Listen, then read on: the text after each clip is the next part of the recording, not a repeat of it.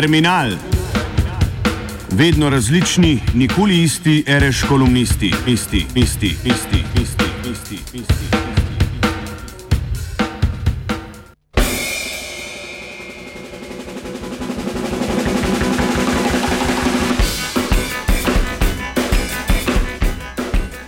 Afektivna polarizacija ali zakaj bi bila boljša manj čustvena politika. Če so še pred nekaj časa očitki o pretirani občutljivosti in snežinkasti krhkosti leteli predvsem na liberalno levico, se v zadnjem letu zdi, da so tehnike, ki so jih predtem očitali nasprotnikom, povsem ponotranjili na desnem političnem polu. Spomnimo se le odzivov ob božičnem voščilu Jrneja Štromajerja, razburjanju zaradi ponesrečenega protestniškega gesla smrt janšizmu ali trenutno aktualnega Toninovega napihovanja škode zaradi nalepke na rožniški cir cerkvi. Po desno sučnem Twitterju krožijo tudi zbirke fotografij vladine naklonjenih grafitov, serije mladininih naslovnic in ostalega dokaznega gradiva, ki naj bi utemeljevalo upravičenost trenutne vladne strategije obračunavanja s političnimi nasprotniki. Ta vse bolj temelji na identificiranju s pozicijo žrtve in izpostavljanju domnevno pretirane agresivnosti levice. Včasih se celo zdi, da je namen določenih političnih potez, recimo izbrisa reperja Zlatka iz razvida samozaposlenih v kulturi ali spektakularnega pohoda specialcev po Metelkovi, prav izzivanje ostrega in nepremišljenega odziva. To vrsten odziv bi lahko vladni propagandni mešeneriji služil kot ponazoritveni primer tako imenovanega levega fašizma ter tako omogočal postopno spreminjanje težišča lokalnega političnega prostora. Pomikanje težišča na desno namreč implicira, da se kot radikalna skrajnost, katere se ne bi smelo tolerirati, ne kažejo ksenofobni izpadi po vzoru Nove 24, temveč protivladni bes ali kordišev komunikacijski stil v parlamentu. Preizpraševanje smiselnosti in produktivnosti tega besa, kateremu je namenjen moj današnji prispevek, nikakor ne implicira, da bes trenutno ni upravičen. Prav nasprotno, sam še nikoli nisem se znašel v situaciji, ko bi lahko bolj ali manj zavezanih rok spremljal povsem neposredno in direktno uničevanje mnogih družbenih podsistemov in skupin, recimo alternativne kulture, progresivnih nevladnih organizacij in medijev, ki jih samo ocenjujem kot ključne gradnike razlike, zaradi katerih se mi življenje v Sloveniji zdi smiselno. Ne gre skratka več za nek abstrakten ideološki boj v parlamentu in na družbenih omrežjih, temveč za serijo zelo direktnih, otipljivih in neposredno škodljivih političnih dejanj, usmerjenih proti določenemu segmentu populacije, ki ob tem upravičeno doživlja jezo in bes. Ne glede na njegovo nedvomno upravičenost, pa je vredno, sploh glede na očitno planirano izzivanje besnih odzivov, premisliti smiselnost in produktivnost tovrstnih močnih negativnih čustev v trenutnem političnem prostoru. Ta čustva namreč vladna propagandna mašinerija iztrga iz konteksta in uvrsti v spretno montirane albume, ki niso namenjeni toliko pripričevanju že prepričanih, temveč predvsem sprožanju simpatij pri apolitični večini neodločenih, neopredeljenih in spremenljivih, ki, povsem človeško, sočustvujejo s pozicijo žrtve. Zdi se mi, da je na nekaj podobnega želela pred kratkim opozoriti Barbara Reigel, ko se je distancirala od, neum, od umetniških praks na rožniku ter ob tem še pokritizirala po njenih besedah prepotentno in arogantno držo Mihe Kordiša in Violete Tomič v parlamentu, ki, citiram, škoduje kulturi dialoga in družbi. Deležna je bila zelo predvidljivega odziva, predvsem obtožb o tem, da povzroča nepotreben notranji razdor na levici ali da posredno zagovarja kompromisarski dialog s trenutno vlado, kar so, če tudi je bila morda njena izhodišna izjava res nekoliko netaktna in pretirana, vsekakor zelo neutemeljeni očitki. Omenjena prigoda predstavlja nad vse klasičen primer nemožnosti notranje kritike, ki je ena osrednjih značilnosti afektivne polarizacije političnega prostora, za katero je značilen princip: kdor ni z nami, je proti nam. Afektivna polarizacija postaja v zadnjih letih v družboslovju, predvsem v navezavi na politično situacijo v ZDA, eden najbolj preučevanih fenomenov. Zanimivo pa je, da v slovenskem prostoru, ki po svoji afektivni polariziranosti nikakor ne zaostaja za ameriškimi trendi, omenjeni termin še ni posebej uveljavljen. Afektivna polarizacija v grobem rečeno opisuje stanje, v katerem pri političnem grupiranju ključno vlogo ne igra več naklonjenost do skupine, kateri pripadamo, temveč predvsem negativna čustva do nasprotne skupine: jeza, sovraštvo, cinizem in tako dalje. Tesno je povezana tudi z logiko socialnih omrežij, algoritemskim ustvarjanjem mnenjskih mehurčkov in favoriziranjem participacije, ki jo najlažje sprožijo močna čustva in konfliktne teme. Afektivna polarizacija je posredno povezana tudi s prevlado identitetnih političnih tem in avtoritativnim ter populističnim političnim slogom.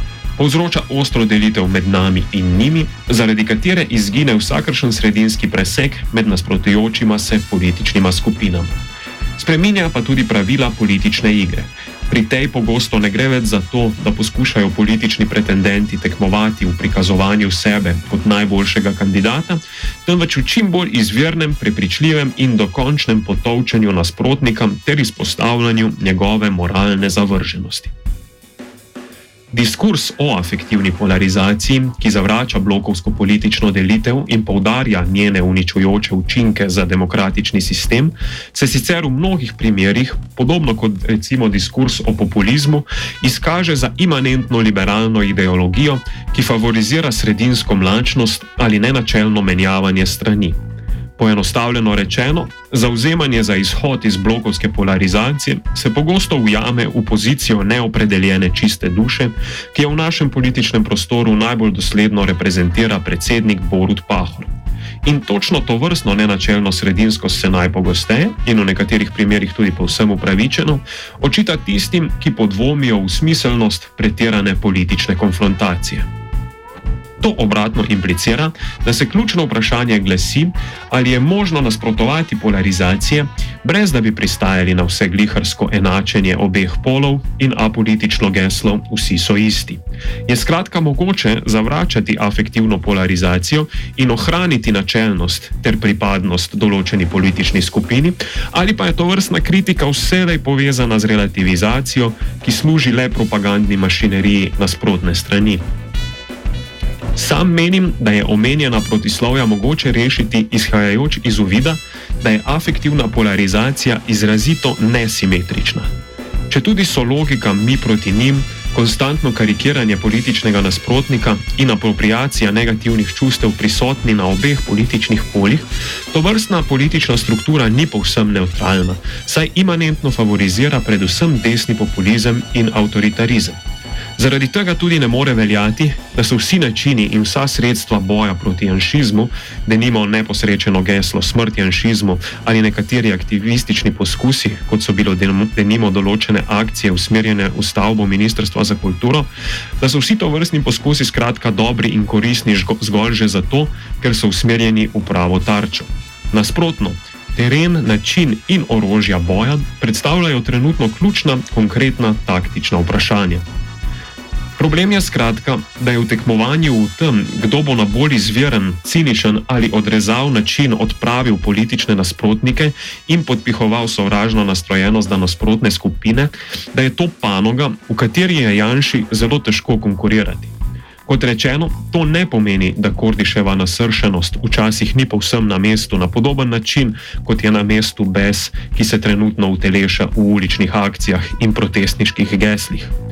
Drži tudi, da ima ta bes določeno mobilizacijsko zmožnost, kar se kaže tudi v požetih lajkih, vendar pa je potrebno pri tem upoštevati tudi njegove učinke na nasprotnem političnem polu in predvsem med tistimi, ki jim gre polarizacija na živce.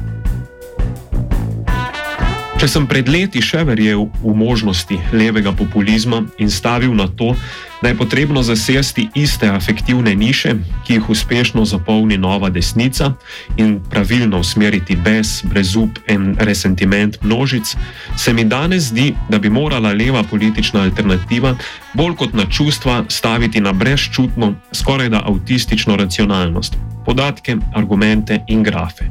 Pri tem ne gre za pristajanje na princip na principe politične korektnosti, temveč predvsem za izogibanje temu, da, popularnost, da se popularnost gradi na tribalistični logiki, ki na dolgi rok ne more predstavljati temelja progresivnega političnega projekta. Bolj kot na to, da bi si prizadevala za zmago v boju, katerega pravila so postavili desni populisti, torej v boju v tem, kdo bo koga bolje nadrl v parlamentu ali bolje zabil na Twitterju, bi morala politična alternativa graditi na preoblikovanju političnega stila in striktnem udejanjanju razlike med poloma. S tem bi bilo tudi lažje izpostaviti nesimetričnost polariziranosti in v praksi pokazati, da vse gliharska predpostavka, vsi so isti, ne drži. Opozarjanje na neproduktivnost nepremišljene afektiranosti v dani politični konstelaciji torej nikakor ne gre nujno razumeti kot korak k sredinskosti in zabrisovanju razlik med političnima poloma, temveč povsem nasprotno kot poskus bolj radikalnega udejanjanja razlike med stranema in speljevanja političnega boja na teren, ki bi bil progresivni politiki bolj naklonjen. Terminal sem spisal Jrnej Kaluža.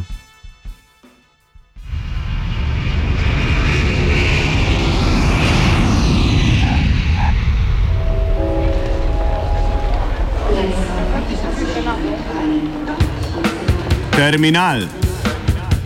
Vedno različni, nikoli isti, reš kolumnisti, isti, isti, isti, isti, isti, isti. isti.